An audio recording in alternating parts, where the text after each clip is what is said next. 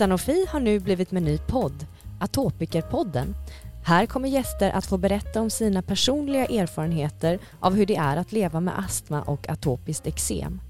Så är du själv drabbad eller är anhörig, vän eller kollega till någon drabbad så är det här podden för dig. Atopikerpodden produceras av Sanofi och finns där poddar finns eller på webbsidan atopiker.se. Hej och välkomna tillbaka till Hudläkarpodden med Lycka. och Marta. Ja, det är ju ny säsong tre, eller ja, vad blir det nu? Ja, vi, vi har slutat hålla räkningen men det är en ny fräsch säsong i alla fall. Det är det ja. Ja. Och hur är det med dig idag Lycka? Ja, men jag känner mig faktiskt eh, lite uppspelt, eh, lite så här upprymd. Ja, Ehm, men det är faktiskt inte bara för att det är en ny säsong och att jag är här i, i uh, poddavsnitt. För att, vi- och, och inte bara för att du har blivit överläkare heller. Nej, eh, den uh, uppspeltheten har lagt sig. Den la sig faktiskt ganska fort. Men det är bra att du påminner mig. Ja, Men det är ju för det här med mm, januari och det bästa med januari börjar närma sig. Ja, det vet vi alla vad det är för Lycka tycker det är så viktigt med sin. Födelsedag! Ja, naturligtvis. Men den har vi avhandlat eh, tillräckligt så att vi ägnar inte mer. Nej, men, Men- nu har vi påmint eh, samtliga att Lycka fyller år så glöm inte att gratulera henne för då blir det hus i helvete om man gör det. Ja, Undrar om man får svära i en podd förresten för nu gjorde jag det. Jag tar tillbaka det om man inte får det. Nej men det här var ju det är ett kraftord som Ja. eh, det är viktigt. Men du då, ehm, Jakob, eh, är du ju väldigt, eh, nej, Jakob, allting ska inte handla om, jag vet att din, att din värld är större än Jakob. Men, Ja, inte så mycket mer så just nu. men jag tänkte på det här med att du är ju väldigt eh, nördig med det här med huden och så. Mm, inte bara med huden i Känner allmänhet du, kanske. ja. Känner du att du har liksom fått in Jakob på det här spåret redan? Ja, men han ska ju bli hudläkare, absolut. Ja. Det finns ju någon Nej. annan hemma hos dig som inte är särskilt nördig vad det gäller huden. Nej, just det. Han kanske Sambo. kämpar åt det motsatta hållet. Precis. Nej, vi har faktiskt inte, eh, inte börjat diskutera det ännu där hemma. Och han har inte fått några hudproblem. Ja, men alltså, du vet det här med barn och hudproblem, det är väldigt, väldigt vanligt visar det Jo. Gud ja. Är, ja. Jag tänker på alla de eh, fotona som jag får eh, skicka till mig och du också Ja. på barn med hudproblem så Ja. är det faktiskt väldigt vanligt. Och ja. redan från några dagars ålder kan ju barn få massa olika typer av besvär som är naturliga, liksom, som ingår i, Mm. i, i eh, första delen av livet för många. Mm. Eh, men det är ju lätt att bli orolig. Absolut. Och det är också därför som eh, vi kan avslöja att, att ett kommande avsnitt faktiskt kommer handla om just Mm. barn och hud. Ja, det är ett stort avsnitt, det är bra. Mm. Men du, förra avsnittet då avhandlade vi ju eh, fem myter om torr hud och mjukgörare.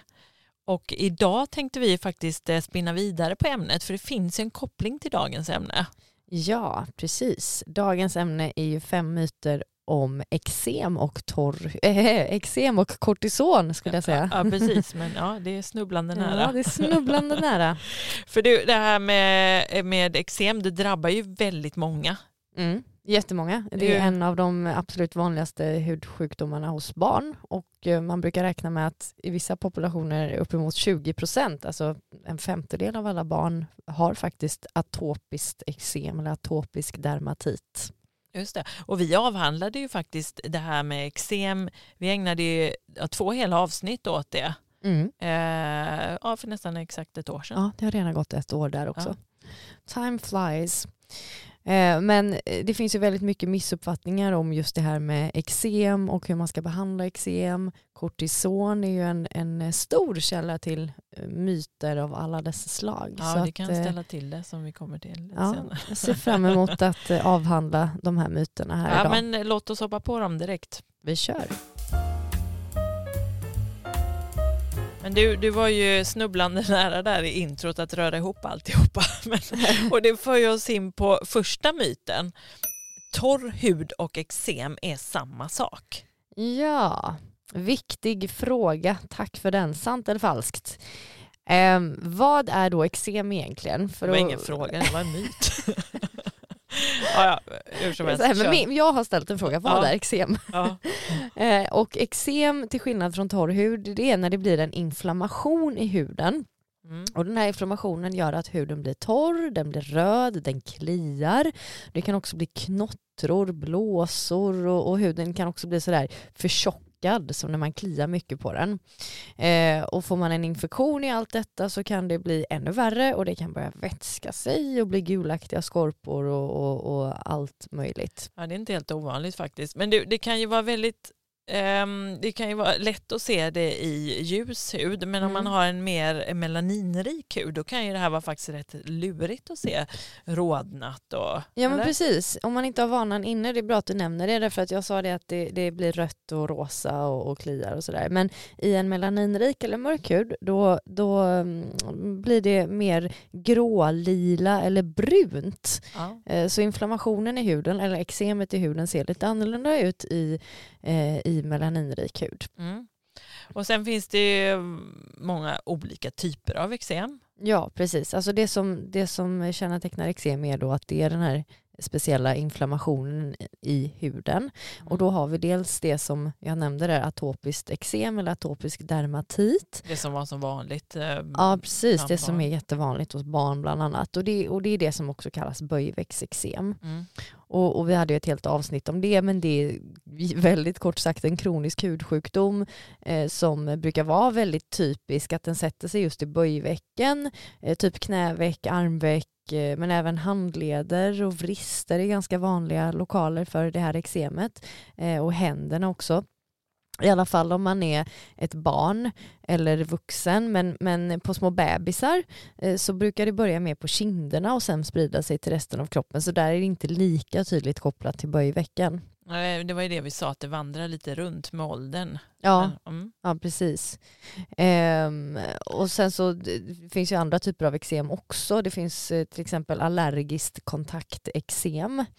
Och det var vi inne på i förra delen av det här avsnittet. Eh, det här med eh, allergi mot läppserat till exempel. Mm. Eh, där man kan bli allergisk mot parfymämnen eller bivax vilket i sig eh, leder till att man får ett eh, eksem helt enkelt. Men det vanligaste, eller det som är väldigt vanligt och det många känner igen som ett kontakteksem det beror ju på det är ju det här med nickel. Ja, För precis. det är mot, om man har fått mot smycken, kanske någon klocka eller skärp och så här, det är ju väldigt typiskt men ja. numera finns det ju ganska mycket som är nickelfritt och så. Precis och det finns också så här sätt som man kan testa om saker och ting innehåller nickel eller inte. Man tar någon tops med ett medel på så gnider man det mot en nyckel till exempel. Ja, så kan man se om... Mynt kan innehålla ja, just det. också. Ja. det. Jag tänkte på det här, vi, när vi pratade om eksem innan i det avsnittet, det är ofta som man tror att man att man stoppar i sig någonting som gör att man får eksemet. Ja, just det. Och hur är det då med kontakteksem? Nej, du kan inte få ett kontaktallergiskt eksem av något du äter. Nej. Utan du måste komma i direkt kontakt med huden, typ som med nickel till exempel. Mm.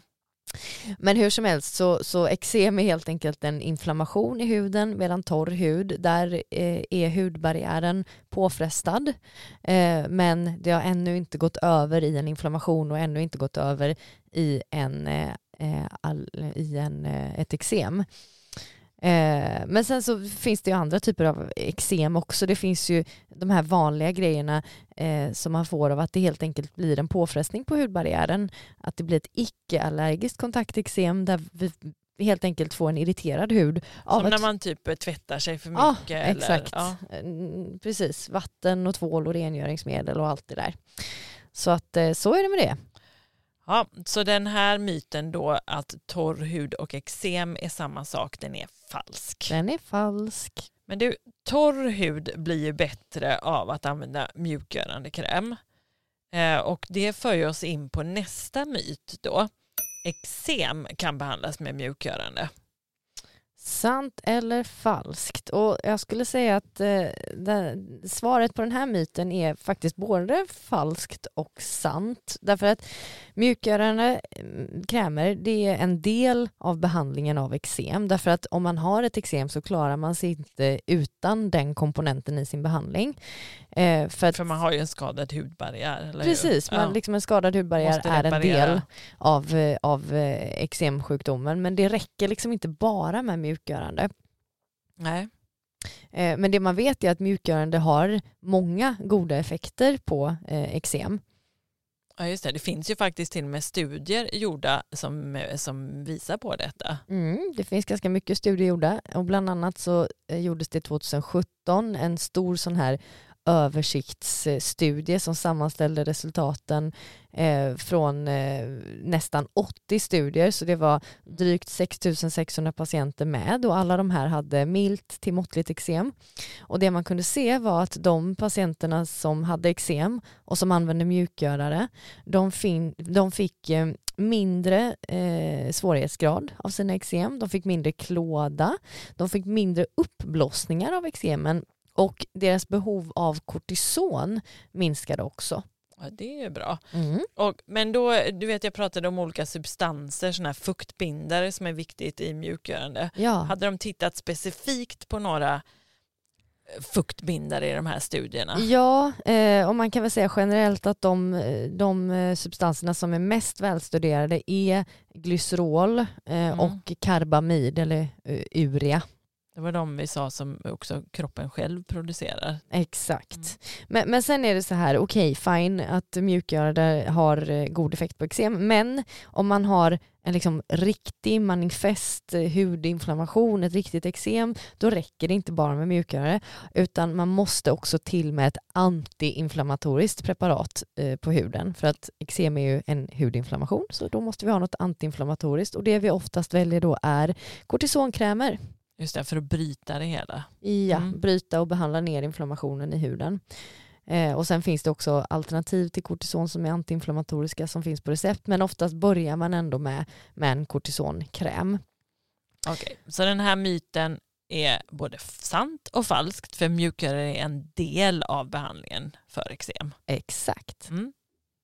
Ja, men du, eh, det här med kortison då. Eh, Det här är en väldigt vanlig farhåga hos många patienter, den här myten som jag kommer säga nu. Mm.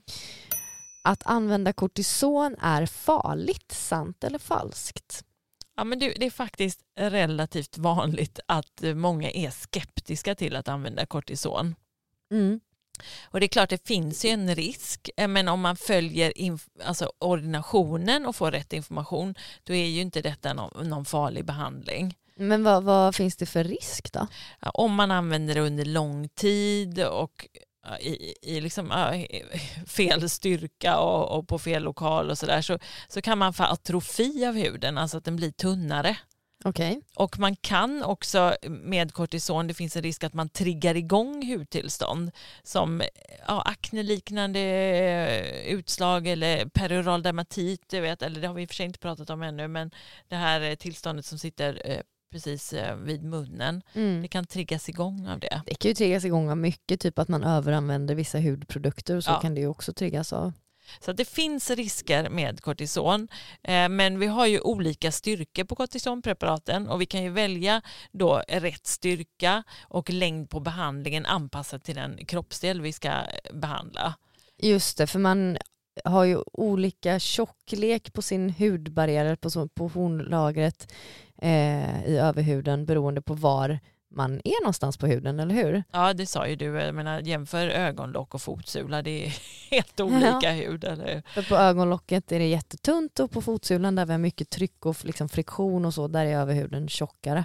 Ja, så då, då väljer man ju inte samma typ alltså kortisonstyrka på de här två ställena och Nej. inte samma längd på behandling kanske heller. Nej. Så att följer man sin läkares ordination, att man be, liksom begränsar ytor till begränsad tid, då är det här en jätteeffektiv och bra behandling som inte riskerar att ge några biverkningar. Mm. Ja, vad skönt att höra. Men du, eh, barn då, hur är det med det? Får, får barn använda kortisonkräm? Ja, men det går bra på även barn och spädbarn, men de har ju tunnare hud och mindre kroppsyta, så det är klart vi anpassar ju det då.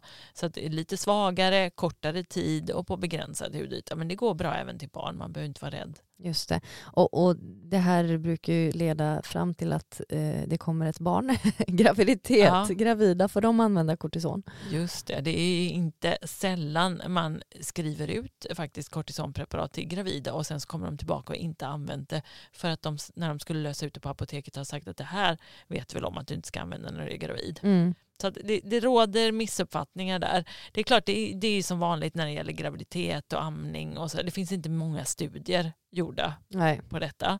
Men det som finns studerat det är användning av milda och medelstarka kortisonpreparat och där har man inte sett någon negativ påverkan på fostret.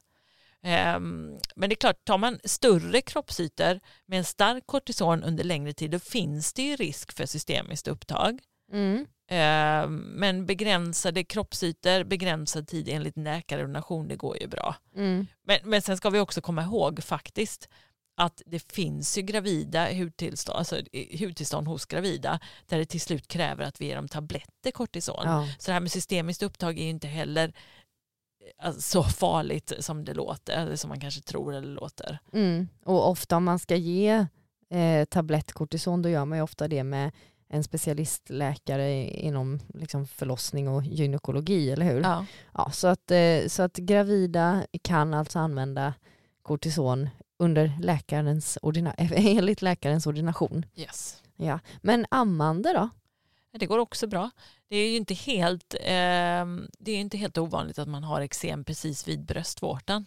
Nej, det är jobbigt. Och då kanske man inte smörjer in det, liksom direkt eh, innan amningen utan man kanske smörjer efter amning istället så hinner det sjunka in och sen kan man tvätta av det där innan man ska amma. Mhm. Eh, sen så kanske det är så behagligt att amma när man har eh, väldigt sårigt och så så då kanske man ändå tar en paus men det är inte farligt det här med amning heller. Nej. Och en till sån här myt, du sa att eh, ibland så får man inte kortison utskrivet eh, för att man är rädd eller att, att det är en gravid eh, kvinna. Mm. Eh, men en annan sån myt som brukar återkomma till oss är att eh, patienter vill inte ta kortison på sommaren för man får till sig att det är farligt. Ja, det vet jag inte heller riktigt var den, liksom, den uppfattningen kommer ifrån men Nej. det är klart man smörjer inte in sig som en solkräm och går direkt ut i solen. Nej. Utan man kanske tar den på kvällen, låter den absorberas, sjunka in. ehm, eller också en, en tid innan man går ut. Men det är inte farligt att använda kortison eh, sommartid Nej, vad skönt. om det behövs. Sen ska vi också komma ihåg att ibland är ju kortison en, en räddare. Nu ska ju vi absolut göra allting för att inte bränna oss i solen. Mm. Men skulle man bränna sig i solen, alltså, då, då blir det som en inflammation i huden och då kan kortison vara lindrande. Just det. Men det är inget som vi ska eftersträva direkt. Mm, nej. Men den här myten är i alla fall falsk. Men du, du sa ju det här med att eh, kortison kan vara av olika styrkor. Ja. Ehm, nästa myt låter så här då. Procenthalten på kortisonkrämen avgör styrkan, sant eller falskt? Nej, det är falskt. Men, och nu skrattar jag lite, men det är det är ju faktiskt det är ju många som tror det och, eh, och det ställer till det lite. För att eh, patienter som har träffat eh, eller bekanta får eh, en, eh, en kortisonkräm utskrivet och så frågar, då vill vi fråga, de kanske redan har fått det när de kommer till oss, då vill vi veta vad de har använt så då frågar vi vad, vad har du använt. Eh, och då svarar de ofta, men jag tog den här med 0,05 procent eller den med 0,1 procent. Mm. Och vad säger det oss? Nej men det säger inte så jättemycket. Nej, det säger ingenting för det är ju på just det kortisonämnet. Så att, eh, vi har ju fyra grupper av kortison. Mild, medelstark, stark eller mycket stark. Ja. Och det är mer intressant att veta vilken grupp man har använt ifrån Mm. än, än, än just procenthalten. Mm. Eh, Så det kan ju vara bra liksom, att eh, skriva upp detta eller ta en bild eller till och med ta med tuben. Ja det hjälper ju väldigt mycket om man visar upp en eh, tub Ja. och har med sig. Ja. Och ibland om inte de har det så har ju vi en plansch med bilder på alla, alla Ja. eller ganska mycket i alla fall, eh, olika tuber med kortisonkräm och då kan jag peka ut den där oftast. Mm. Eller nämna att man kan, ja, men jag hade faktiskt en rosa och vit, då vet vi vad det gäller. Liksom. Och sen är det faktiskt så att den enda som är receptfri är den milda kortisonkrämen, eller hur? Så att om man säger att ja, nej, men jag använder en receptfri kortison, då vet vi. ja, Då vet vi att det är grupp 1. Ja. Så att procentsatsen säger oss ingenting. Em, Så det här påståendet är falskt. Ja. Men du, det kan ju bli väldigt många krämer att hålla reda på om man ska använda både mjukgörande och kortisonkrämer. Mm, jo tack. Vilket för mycket krämer som sagt. Men vilket för oss in på nästa myt då. Man ska inte använda kortison och mjukgörande samtidigt. Mm. Eh, det här beror ju på hur man tolkar den här myten. För att vi har redan varit inne på att om man har ett eksem så ska man använda mjukgörare och eh, kortisonkräm tillsammans. Alltså, man, man ska ha det. Komplettera Kom, varandra. De kompletterar varandra Ja. helt enkelt. Eh, men eh, samtidigt, ja, det finns inga bra studier på hur lång tid det bör eller inte bör gå mellan att man applicerar den mjukgörande krämen och kortisonkrämen.